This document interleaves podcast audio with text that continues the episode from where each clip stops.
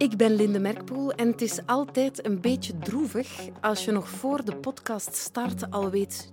Tjua, we gaan nooit tijd genoeg hebben.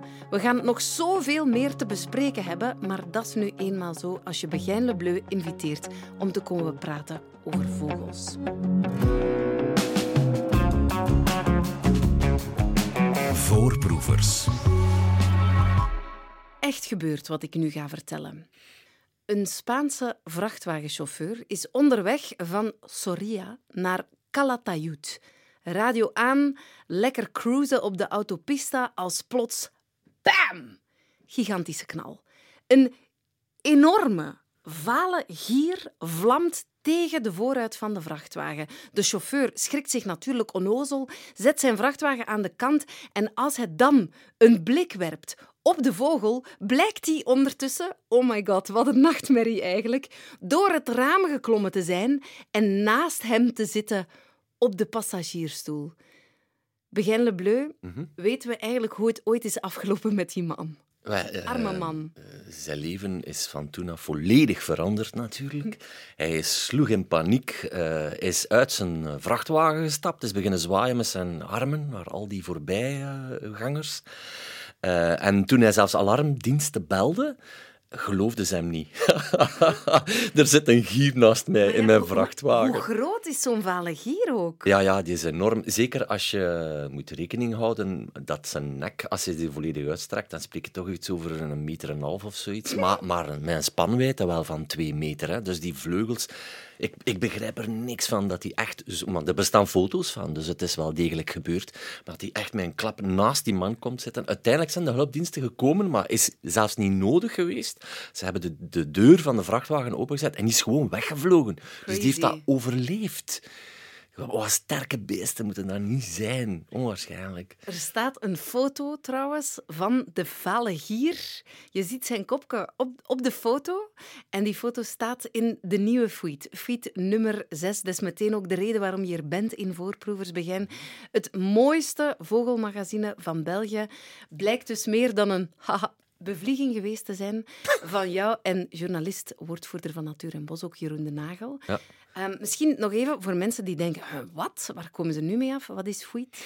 Eh, wel, Fruit is een eh, vogeltijdschrift, maar wij en Jeroen en ik wilden er een beetje een classy gegeven van maken en niet stiefmoederlijk behandelen. Namelijk, wij willen eh, van alles het beste. Mooie foto's, lange artikels, maar vooral ook goed geschreven artikels. Ehm, eh, we wilden het thematisch aanpakken.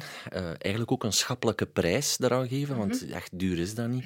Ehm, ja, en, en, en wij konden dat, uitgevers gezocht, niet gevonden. En dan uiteindelijk gedacht, weet je wat, we doen het zelf. We gaan dat zelf doen, we gaan dat zelf uitgeven. Een beetje onderschat in die zin naar logistiek toe. We wisten niet dat het zo'n succes ging zijn. Maar eh, nu zijn alle zeilen weer bijgezet. En ja, de mensen die nog nabestellingen in hun brievenbus krijgen, die zijn dus door de handen van Begijn Le Bleu gegaan. Want ik steek die allemaal zelf Dat in een... maakt het ook zo mooi. Ik denk wat het ook zo mooi maakt, Fouit, is dat het gemaakt wordt door twee mensen die eigenlijk geen wetenschappers zijn. Ja, en wij, ik denk dat we daarom ook een beetje gestoten zijn op verzet. Van ja, maar wat weten jullie? Maar wij weten wel waar dat we naartoe willen. Jeroen is bladenmaker, dus weet ook die topics te bewerken naar iets heel interessants. Kent de pennen. En ik heb de community gemaakt in die zin dat ik al zeven, acht jaar die podcast maak. Feed, Feed heet die. Dus het is een afgeleide daarvan. Maar ik heb in die tijd, in die periode, heel veel mensen ontmoet. Met heel veel mensen kunnen praten, mijn netwerk uitgebreid. En ja, die gemeenschap heeft wel gemerkt van, ja, eh, die Begijn en die in Den Nagel, die menen dat wel, die passie zit goed. Die passie zit goed en het is dat. Hè. Het is dat wat je ook voelt Ja. in het boekje, vind ik. Ik ken ook echt waar begin niemand die met zoveel liefde over eh, de vogelarij praat als jij. Wow, dank u. Ehm, in dit eh, nummer hebben jullie gekozen, want elk, elk nummer is opgehangen aan een thema. Deze keer hebben jullie gekozen voor... Aas. Ja. En het is misschien de eerste maal dat het niet zo'n evident thema is, maar wij wilden eigenlijk bewijzen dat aas en aaseters, en dan in de vogelwereld, eh, een onmisbaar geheel zijn. En onmiddellijk plakken we daar natuurlijk een iconische soort aan vast, zoals een gier, die met heel wat vooroordelen te kampen heeft, zoals jij daar juist eh, ook zo mooi duidde. Maar aas En aaseters zijn ook in Europa aanwezig. En dan misschien niet ook onmiddellijk als die grote gieren, maar ja, aas, de, meeste aaseters zijn insecten. Aasvliegen, de meeste aaseters zijn ook kevers, uh, de doodgravers, noem maar op. Dus van insectjes tot aan de grotere gieren die in Spanje bijvoorbeeld voorkomen, zijn dat allemaal aaseters, want dieren gaan ook dood. Dus per jaar moeten er tienduizenden dieren doodgaan, maar je ziet die nooit, tenzij misschien langs de kant van de weg door auto's omvergereden. Um, maar dat is dus gewoon een deel van die voedselpiramide. Dat is een, een opruimers. Is, ja, dat is dat cyclische van de natuur. Hè. Wij leven meer lineair van januari de tot december. De vogels van de velkar eigenlijk. Ja, eigenlijk wel, maar ze zijn zeer noodzakelijk, zoals we misschien straks nog wel gaan zien. In het voorwoord beweren jij en Jeroen, wie dit blad leest, deze fouille leest, uh, zal zijn mening over aaseters en gieren in het bijzonder herzien. Een bouwde stelling, hè, want ja, inderdaad, de meningen over aas eters. En dan ja, misschien toch wel even die eh, lelijke gier er specifiek uithalen. Zijn super scherp. Uh, ja, ik, ik kijk ernaar en ik denk, oh, uh, vies lelijk. Ze hebben het talent niet om te jagen, dus ze wachten dan maar tot de andere dieren het vuile werk mhm, hebben mhm. opgelost of gewoon doodvallen om dan te profiteren en te eten van vuil, dood, rottend vlees. Voilà. Ja, my opinion. Only my opinion. Dankjewel. um, ja, dat maakt het mij eigenlijk alleen maar makkelijker. In die zin dat wij hebben een beeld van de gier zoals die bijvoorbeeld gemaakt is door Jungle Book in Walt Disney. Je ziet daar een aantal gieren die zitten te konkelfoezen en gebocheld, hè, want ze hebben zo'n beetje een bochel. In Lucky Luke ook, hè? Uh, ja, absoluut. En dan hebben ze ook zo'n lange, kale nek, een kale kop, een grote snavel en, en zo'n kale nek en een kale kop. Dat is toch zoiets slangachtig, zoiets vies zo, maar wel degelijk met een reden. En die reden is bijvoorbeeld die kale kop hebben zij nodig, want ja, zij zitten effectief in kadavers te peuzelen, daar zitten ze eraan te peuzelen. En soms moeten ze tot aan hun nek in dat kadaver zitten. Dus met andere woorden, ze hebben geen veren, omdat die veren zouden gewoon maar vies zijn. Het is een, hygiënische, een hygiënisch middel om eigenlijk te zorgen uh, dat ze goed kunnen eten en niet zoveel verzorging nodig hebben. En die grote veren, ja, die gebruiken zij, eh, die grote vleugels, dat gebruiken zij om die kadavers op te sporen. Zij maken zweefvluchten onwaarschijnlijk om... Ze hebben een groot territorium meestal. Als ik denk aan een Andeskonder, dat is iets van een 200 kilometer ver dat die kunnen vliegen. Alhoewel, vliegen is een verkeerd woord, want ze zweven. Ze zweven echt zeer, zeer lang. Er zijn er zo onderzoeken geweest waar dat ze sensoren kregen aan de vleugels, die Andeskondors, waar dat ze merkten dat ze in drie uur tijd maar twee minuten vlogen. Maar echt klappen met een vleugels dan. En van die twee minuten besteden zij eigenlijk 75% aan het opstijgen en het landen. Dus je ziet dat zij enorm zuinig met energie kunnen omgaan. Zij vliegen op thermiek, op warme luchtstromen. Die zitten in die gebergtes dan ook nog vrij complex in elkaar, dus ze zijn dat ook meester. Dus op die manier zoeken zij naar een prooi. Dus het zijn ingenieuze, in elkaar stekende dieren, waar daar vooroordelen aan vastzitten, maar dat dat, dat, is jammer. Maar ja, dat hebben wij misschien ook met spinnen, dat hebben wij misschien ook met vleermuizen. Ja. En je bent hier ook wel ergens om mij een beetje te bekeren ook. Hè? Om mij enthousiast te maken. Het is, het is, al aan het lukken. Hè? dus, uh, wat ik wel mooi vind, is zo'n aaseter zit vaak ingenieus uh, fysiek al in elkaar. Hè? Dus die lelijke kale kop met die lange lelijke nek is gewoon omdat ze dan beter in een lijk kunnen duiken. Um, dan grote, uh, sterke vleugels om hun uh, kadaver op te sporen, want ja, die hm. liggen ook niet zomaar uh, breed gezaaid. Dan hebben ze ook de snavel, die scherp zijn. krachtig, ja, want ze moeten kunnen scheuren. Ze moeten... En, en, niet alle gieren hebben trouwens een kale kop, want dat is misschien wel leuk. Hè? Het kadaver oppeuzelen gebeurt ook in fases. Je hebt eerst die echte vleeseters die de organen en, zo, en huid opeten enzovoort. Maar de lammergier die op de cover staat, die prachtige... Sorry, zo, mijn cover, ik ben oh, het is waar. op mijn eigen schouder aan het kloppen. Ja, die, maar die, heeft, die heeft wel pluimen. heeft wel veren. En dan vraag je af, ja, maar dat klopt dan toch niet? Ja, maar de lammergier eet ook geen vlees. Dat is een botteneter. Dus die moet ook niet die bloederige massa door om te, zijn voedsel te halen. Het is... Die eet botten en merg. Ze noemen hem de bottenbreker. schitterend, hè? schitterend. Hè? Ik heb hem deze zomer nog gezien met mijn dochter, de lammergier. Maar die, die gaat dus effectief zo de laatste restanten van dat kadaver nemen, botten, en laat die van op een grote hoogte vallen. Want het is hem ook te doen om het merg dat in dat bot zit.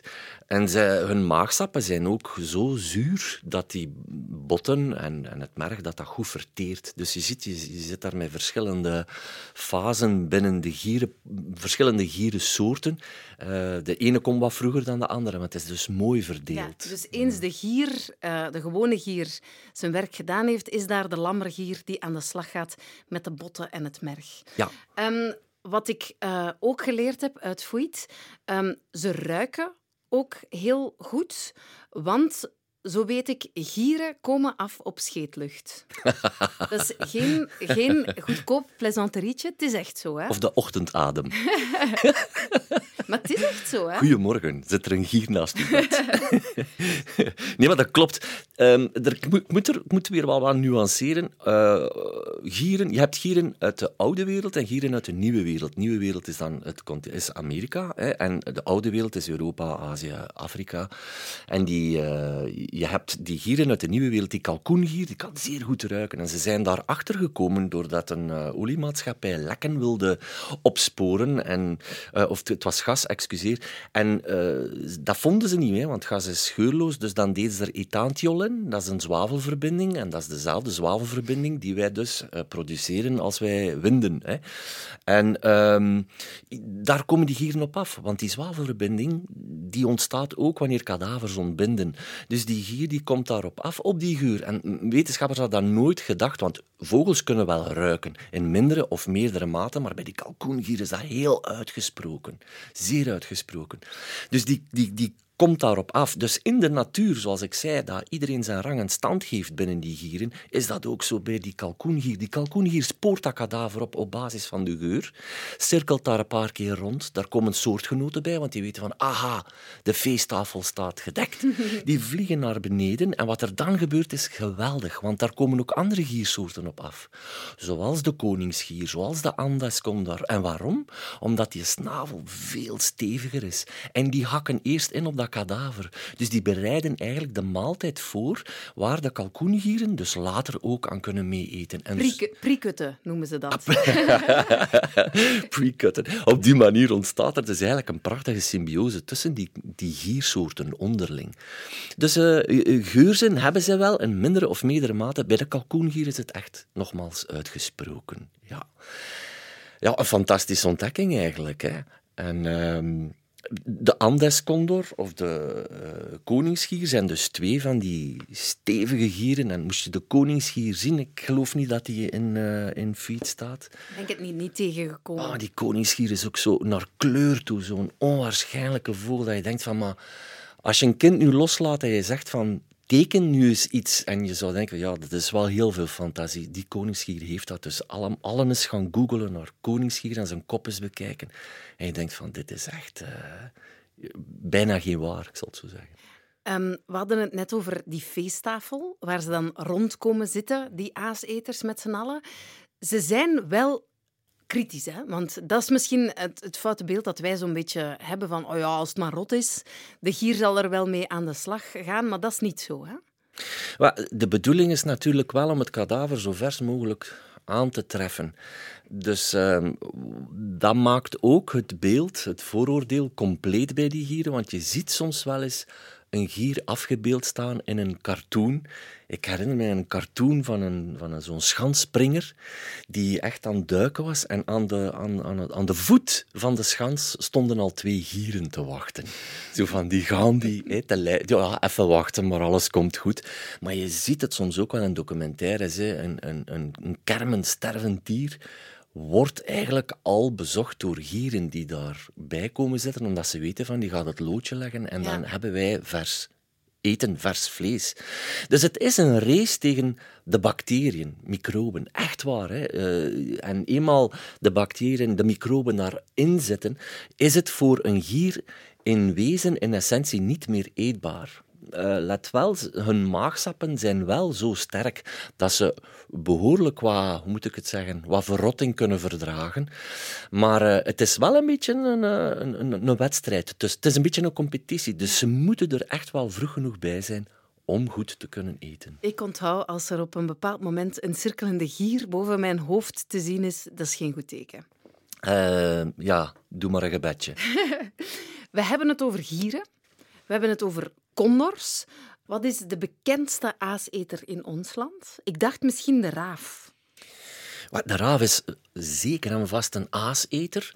Uh, gaat zelfs mee in het spoor van de wolf. Hm? dus de wolf uh, slaat een prooi, bijt een prooi, of ja, de, verscheurt die en de raven kijken toe. Hè. Ze ah, dat is een duo. Ja, dat kan je eigenlijk wel zo stellen. Ik weet niet in hoeverre dat, dat zo expliciet is, maar wetenschappers zijn er wel van overtuigd dat de ene de andere meeneemt. Ja, heel artikel over de raaf in uh, de nieuwe Foeit. Mhm. Wat maakt die vogel zo bijzonder? Goh, ja. Heb je hem al in het echt gezien? Ja. Heb, maar, heb je ja. hem al... Ja, ja? Ja, ja, maar als ik die dan zo naast condors en naast een gier zet, dan denk ik wel, wow.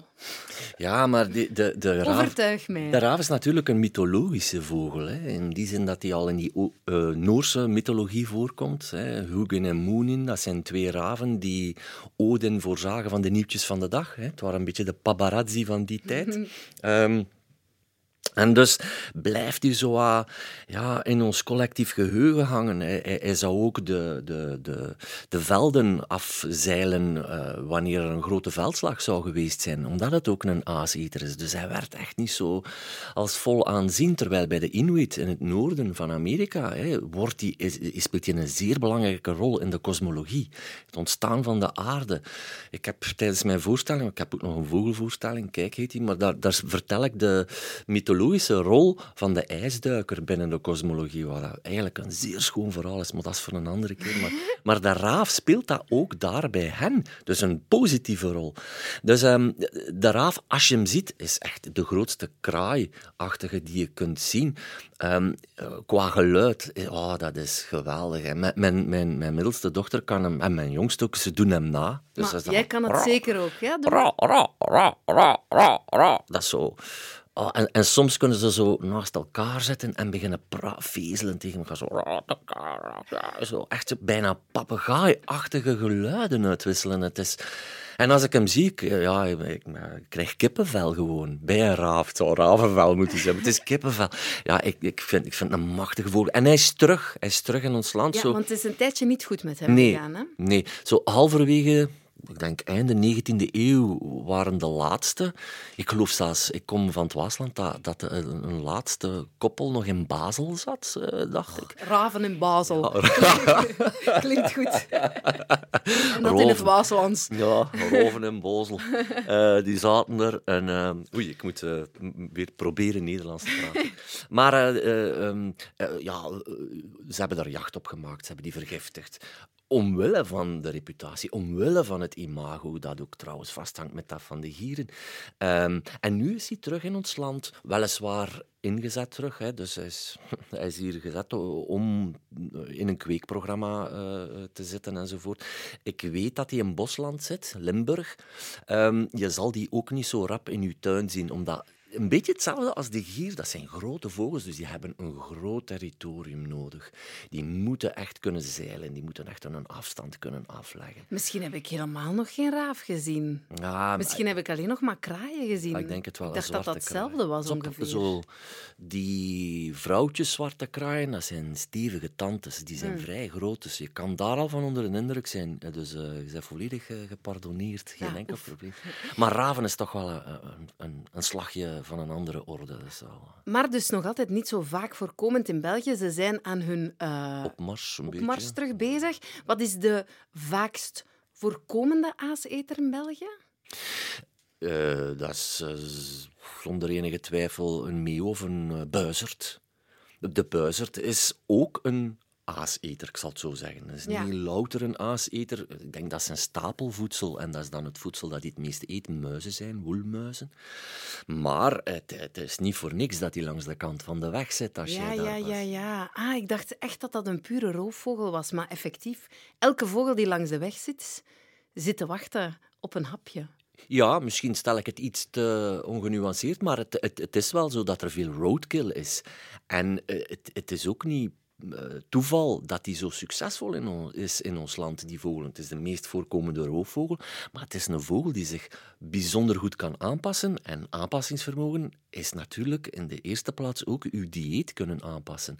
Dus dat is zo'n vogel, bijna een cultuurvolger noem ik dat, alhoewel dat ik misschien aan het vloeken zijn voor wetenschappers nu, maar dat is een vogel die, die, die kan op aas leven, die, die kan van wormen leven, die kan uh, muizen vangen, uh, die, die kan ook een, klein, een konijntje vangen in de winter als hij, als hij honger heeft.